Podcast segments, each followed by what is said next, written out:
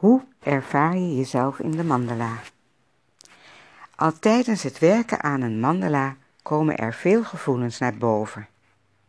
Laat dat rustig gebeuren. Maak je er niet druk om, maar blijf toeschouwen bij het proces. Schrijf eventueel wat er in je opkomt in een schriftje, zodat je er bij het beschouwen gebruik van kunt maken. Er zijn veel mogelijkheden om naar jezelf te kijken via een mandala-tekening, schilder of borduurwerk. Denk maar aan de verticale lijn van boven naar beneden, die ik ook doe in de ademhaling oefening. Je bent verbonden tussen hemel en aarde. Dat is je as. Die gaat door je rug. Dat verbindt zich met jouw chakra's. Het verbindt zich met jou. Daar vind je hoe je hulp krijgt vanuit de kosmos. En ook aan de onderkant hulp krijgt vanuit de aarde, vanuit je donkere zijn. Beide kanten heb je nodig. En ze zijn dus essentieel om in je mandala ook te vullen. Doe jezelf het genoegen om je te vullen met lucht en met de aarde, zodat je in het midden genieten kunt en ademen kunt en jezelf tot bloei kunt brengen. Denk ook eens aan de mandala die je horizontaal doordeelt. Dan heb je te maken met hoe de sociale wereld jouw verleden je brengt naar de toekomst. In het nu. En dan naar de toekomst toe. Dat wat voor je ligt en wat nog niet bekend is. Op die manier, door dit als een kruis over je mandala heen te denken, of met een velletje doorzichtig papier even aan te geven, kun je kijken hoe jouw mandala gevuld is. Dat is een eerste poging hoe je dat zou kunnen onderzoeken. Straks in mijn nieuwe boek over, het over de mandala, het handboek mandala, zul je zien dat daar zo'n fase in beschreven wordt en ook een manier wordt gegeven hoe je daarnaar kijken kunt. Dus houd het in de gaten.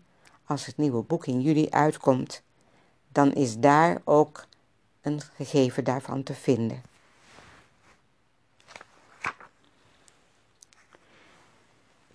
Let ook op herhalingen in je werk. Wat komt er steeds weer voor? Welke symbolen laat je steeds terugkomen?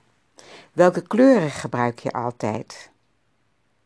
Hoe ga je om met die kleuren? Zijn het kleuren die stevig aangezet zijn of zijn het pastelkleuren? Lopen de kleuren in elkaar over of dek je juist alles toe? Is er ruimte en licht om in te bewegen? Of vind je het moeilijk om kleur te gebruiken? Of weet je helemaal niet wat je met kleur aan moet?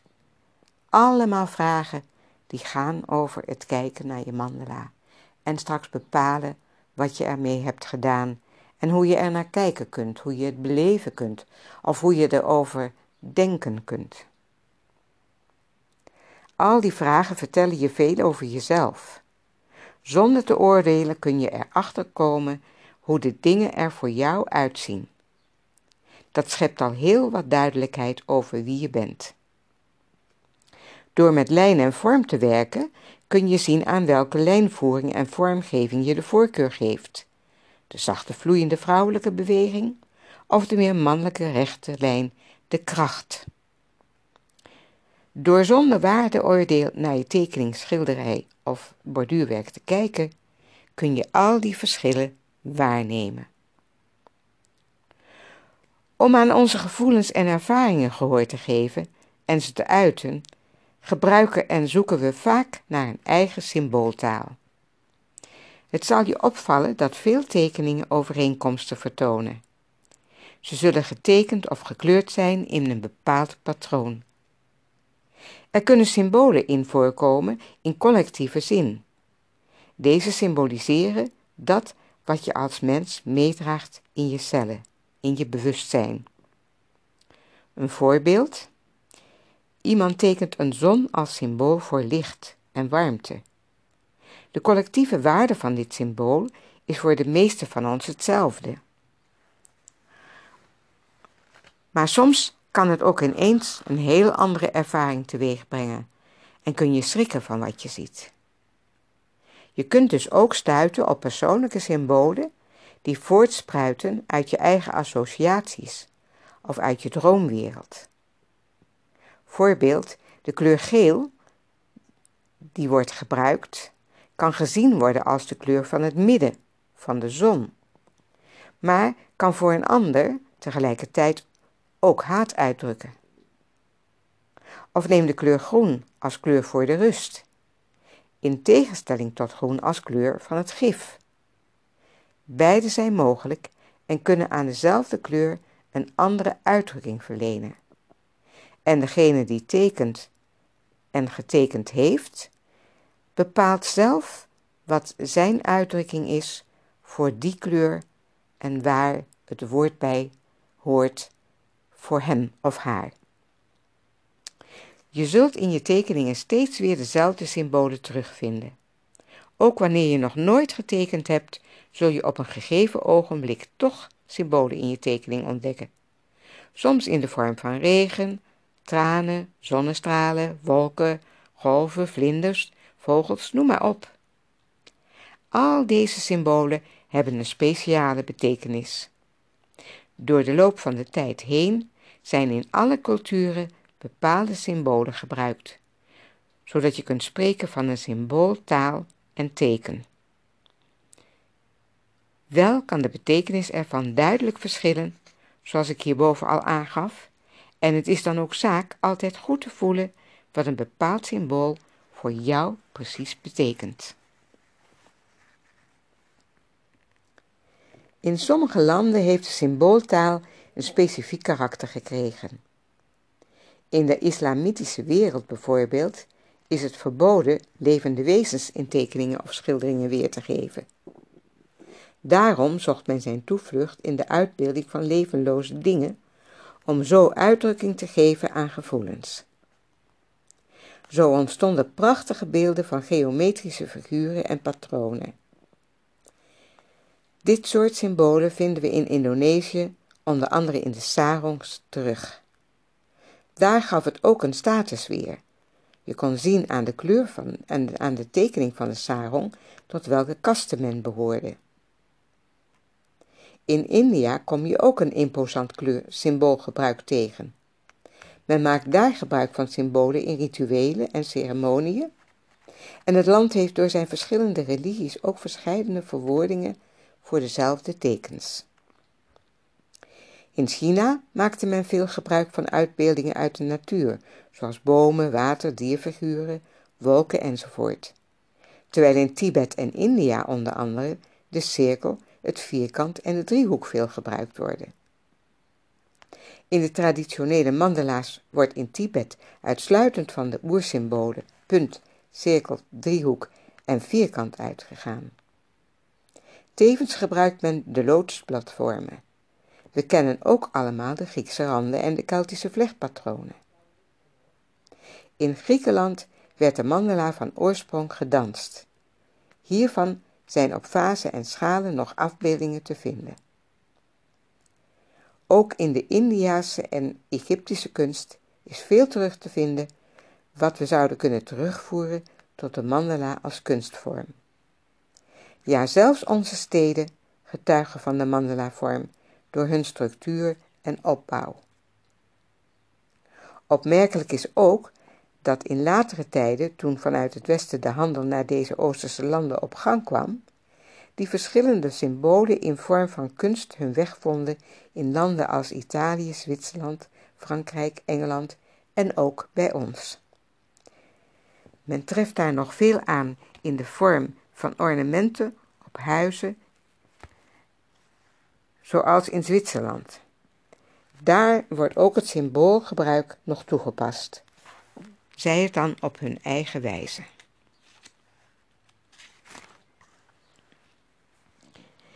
Symbolen en hun betekenis. Hieronder geef ik een opsomming van wat symbolen met hun betekenis.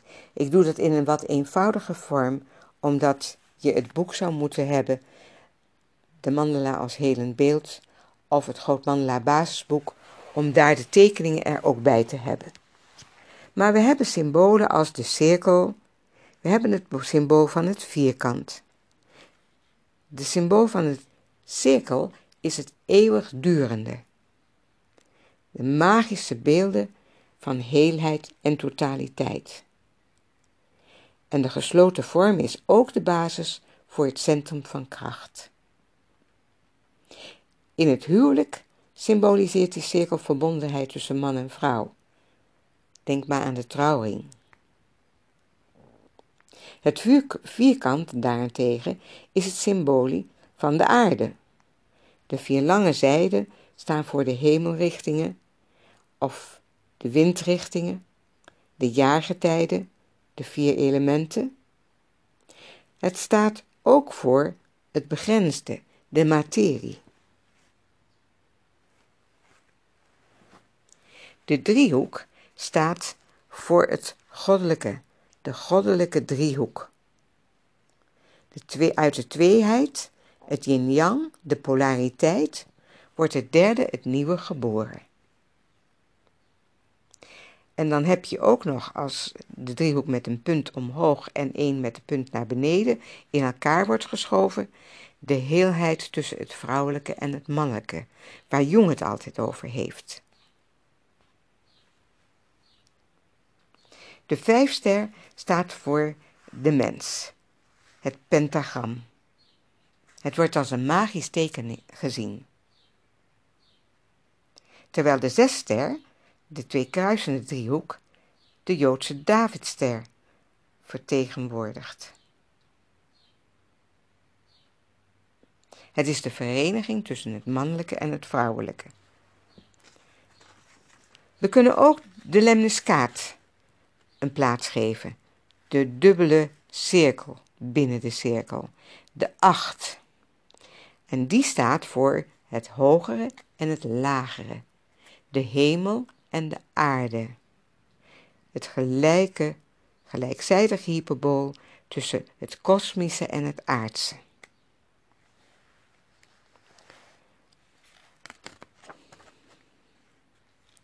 En dan zijn er natuurlijk de, de symbolen die je zelf als persoon ervaart, die in je dromen weerkomen, die je elke keer terug ziet komen en die van alles voor je zouden kunnen betekenen, zoals de witte lelie of de rode roos, de witte roos. Allemaal tekeningen, allemaal symbolen die je kunt gebruiken als symbooltaal. Er is ontzettend veel te beleven in de symbolen.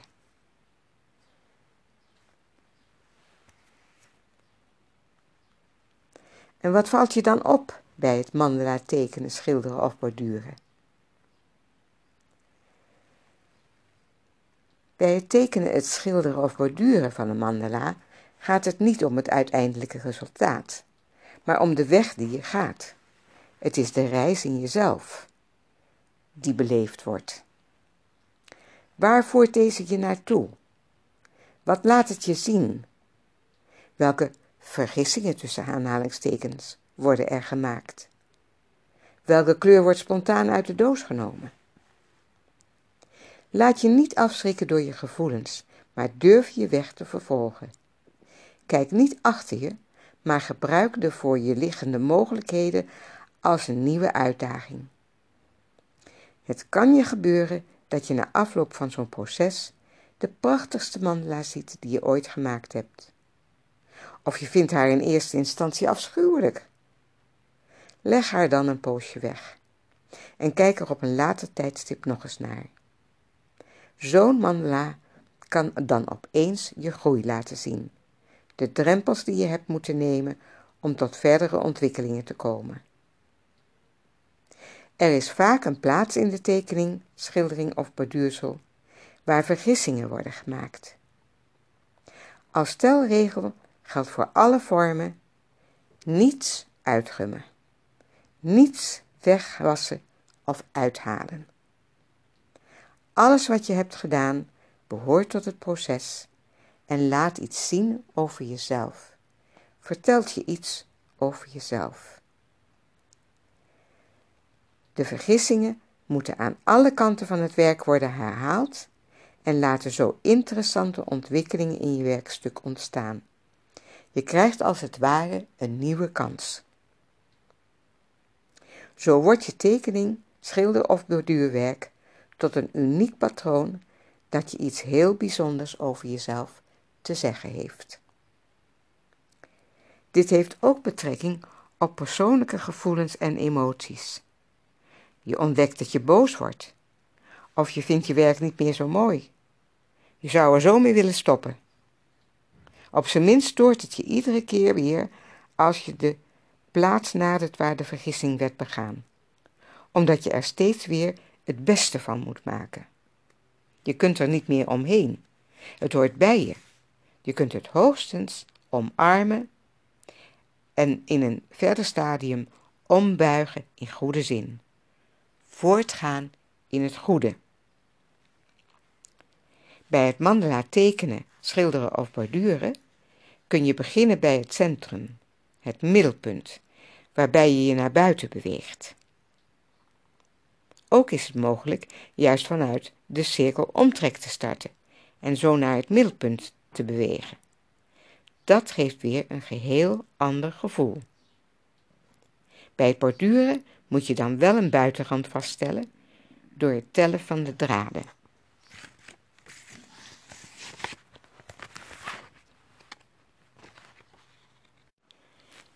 Naarmate het werk meer vordert en je durft te volgen wat je intuïtie je ingeeft wat betreft kleurgebruik en de keuze van je motief, zul je meer vertrouwen ontwikkelen in het proces en je zeker van jezelf gaan voelen. Je ervaart dat je meer mogelijkheden tot je beschikking hebt dan je ooit had gedacht. Wanneer je je werk vergelijkt met het werk van anderen, kun je werkelijk zien dat ieder van ons een eigen patroon, stijl en vormkracht ontwikkelt. Elke mandala is een uniek werkstuk. Dit verhoogt de vreugde die al ontstaat bij het tekenen, schilderen en borduren nog eens extra.